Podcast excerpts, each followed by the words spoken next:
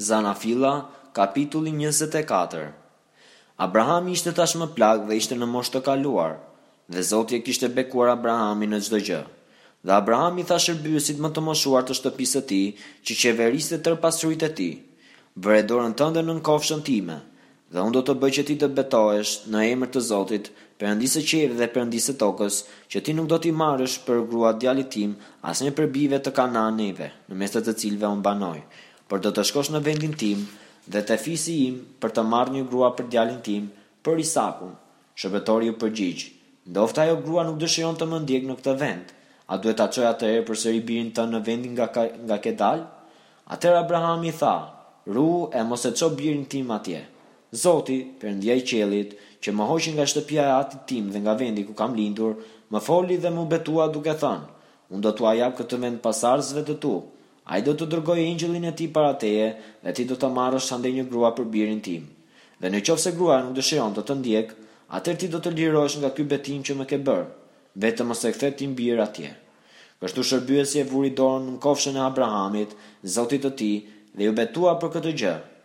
Pastaj shërbyesi mori dhjetë deve nga devet e Zotit të tij dhe u nis, duke pasur me vete çdo lloj të mirash të zotërisë së tij.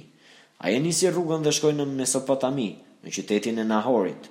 Dhe i gjunjëzoi devet jashtë qytetit pranë një pusi uji, aty nga mbrëmja, në kohën kur gratë dalin për të marrë ujë, dhe tha, O Zot, Perëndia i zotërisë tim Abraham, të lutem bëj që sot të kem mundësinë të kem një takim të lumtur.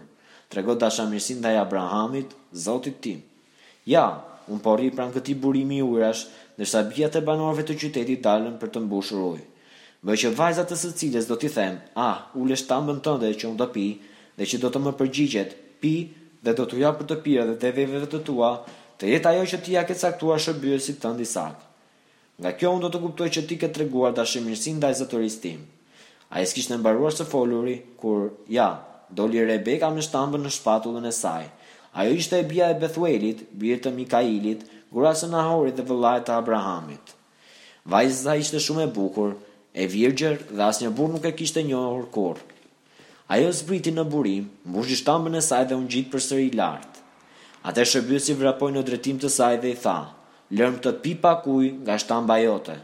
Ajo u përgjigj, Pi, zotëria im. Pastaj shpejtoi ta ulë shtambën mbi dorë dhe i dha të pinte. Sa, sapo mbaroi së dhëni ujë për të pirë, tha, Do të mbush ujë edhe për devet e tua derisa të ngopen me ujë. Me nxitim e zbrazi shtambën e saj në koritë, vrapoi përsëri te burimi për të mbushur ujë për të gjitha devetë e tij.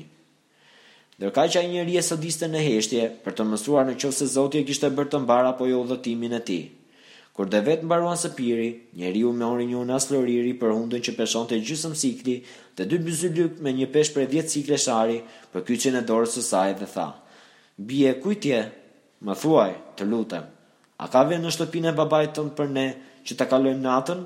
Ajo u përgjigj, Unë jam bija e Bethuelit, i biri i Milkahut, që ajo i lindi Nahorit, dhe shtoi, Tek ne ka shumë kashtë dhe forazh, si dhe shumë vend për të kaluar natën.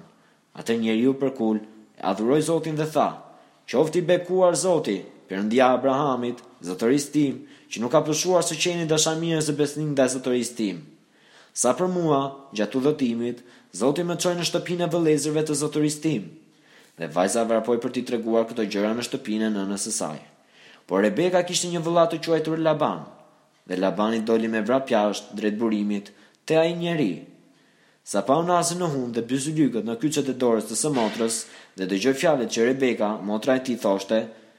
Kështu më foli ai njeri, iu afrua këtij njeriu dhe ja që u gjet pranë deveve afër burimit.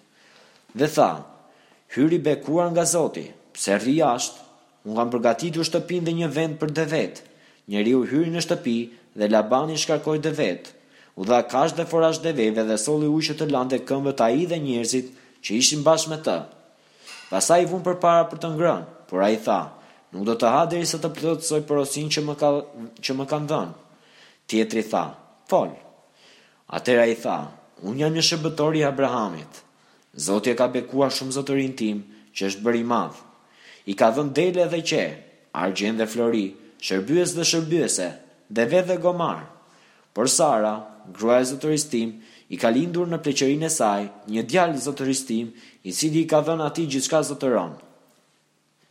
Dhe zotëria im më vuri të betohem duke thënë, Nuk do të marrësh grua për djalin tim nga bijat e kananejve, në vendin ku unë banoj, por do të shkosh në shtëpinë e babait tim dhe te fisi im dhe do të marrësh një grua për birin tim.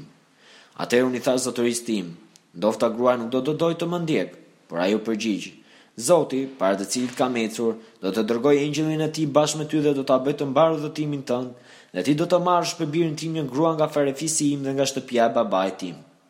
Do të lirohesh nga betimi që më ke bërë, kur të shkosh te fisi im, Dhe po të jetë se nuk duan të ta japin, do të lirohesh nga betimi që më ke bërë. Sot kam arritur te burimi dhe thashë, O Zot, Perëndia i zotërisë tim Abraham, në rast se të pëlqen kështu, të lutem bëje të mbarë udhëtimin që kam filluar. Ja, unë po ndalem pranë burimit të ujit.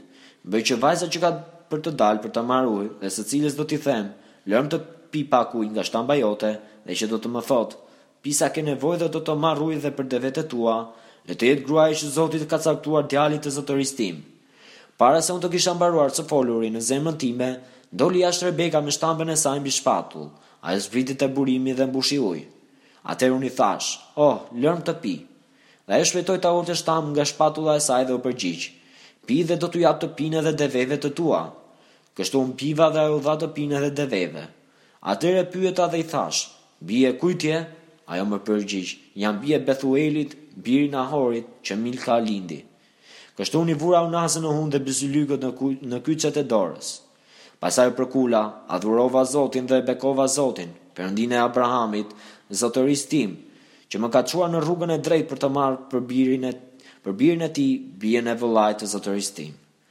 Dhe tani, në rast se doni të silleni me dashimirësi dhe besnikëri ndaj zotërisë tim, duhet të ma thoni!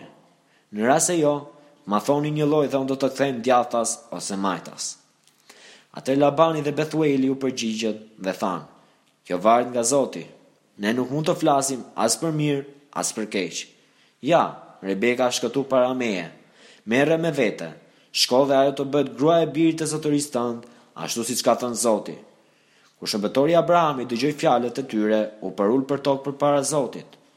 Shërbëtori nxori sende të argjendta dhe të arta si dhe rroba dhe ia dha Rebekës, dhe u dhuroi gjithashtu sende të çmueshme vëllait dhe nënës së Rebekës. Pastaj hëngrën e pinë ai dhe njerëzit që ishin bashkë me të. U ndalën vetëm atë natë. Kur u ngritën në mëngjes, shërbëtori tha, Më lini të kthehem te zotëria im.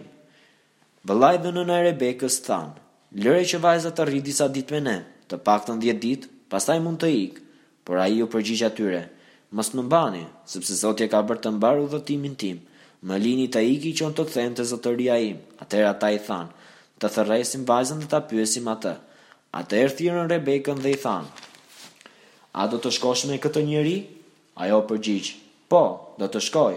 Kështu e lanë Rebekën, motrën e tyre, të shkojë dhe ta dhe tajen e saj me shërbëtorin dhe njerëzit e Abrahamit. Dhe e bekuan Rebekën dhe i thanë, Motra jonë, t'u bëfsh nëna e mijëra mizëri njerëzish dhe pasardhësit e tu paçin në dorë portat e armiqve të tyre. Atëherë Rebeka dhe shërbyeset e saj u ngritën më këmbë, hipën mbi devet dhe shkuan pas këtij njeriu. Kështu shërbëtori mori Rebekën dhe iku. Ndërkaq Isaku ishte kthyer nga pusi i Lahaj Roit, sepse banonte në krahinën e Negevit.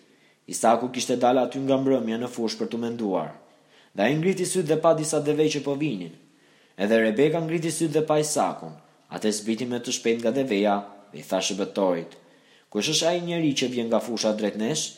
Shërbëtori u përgjigj, Është zotëria im. Atëherë ajo mori velun dhe u mbulua.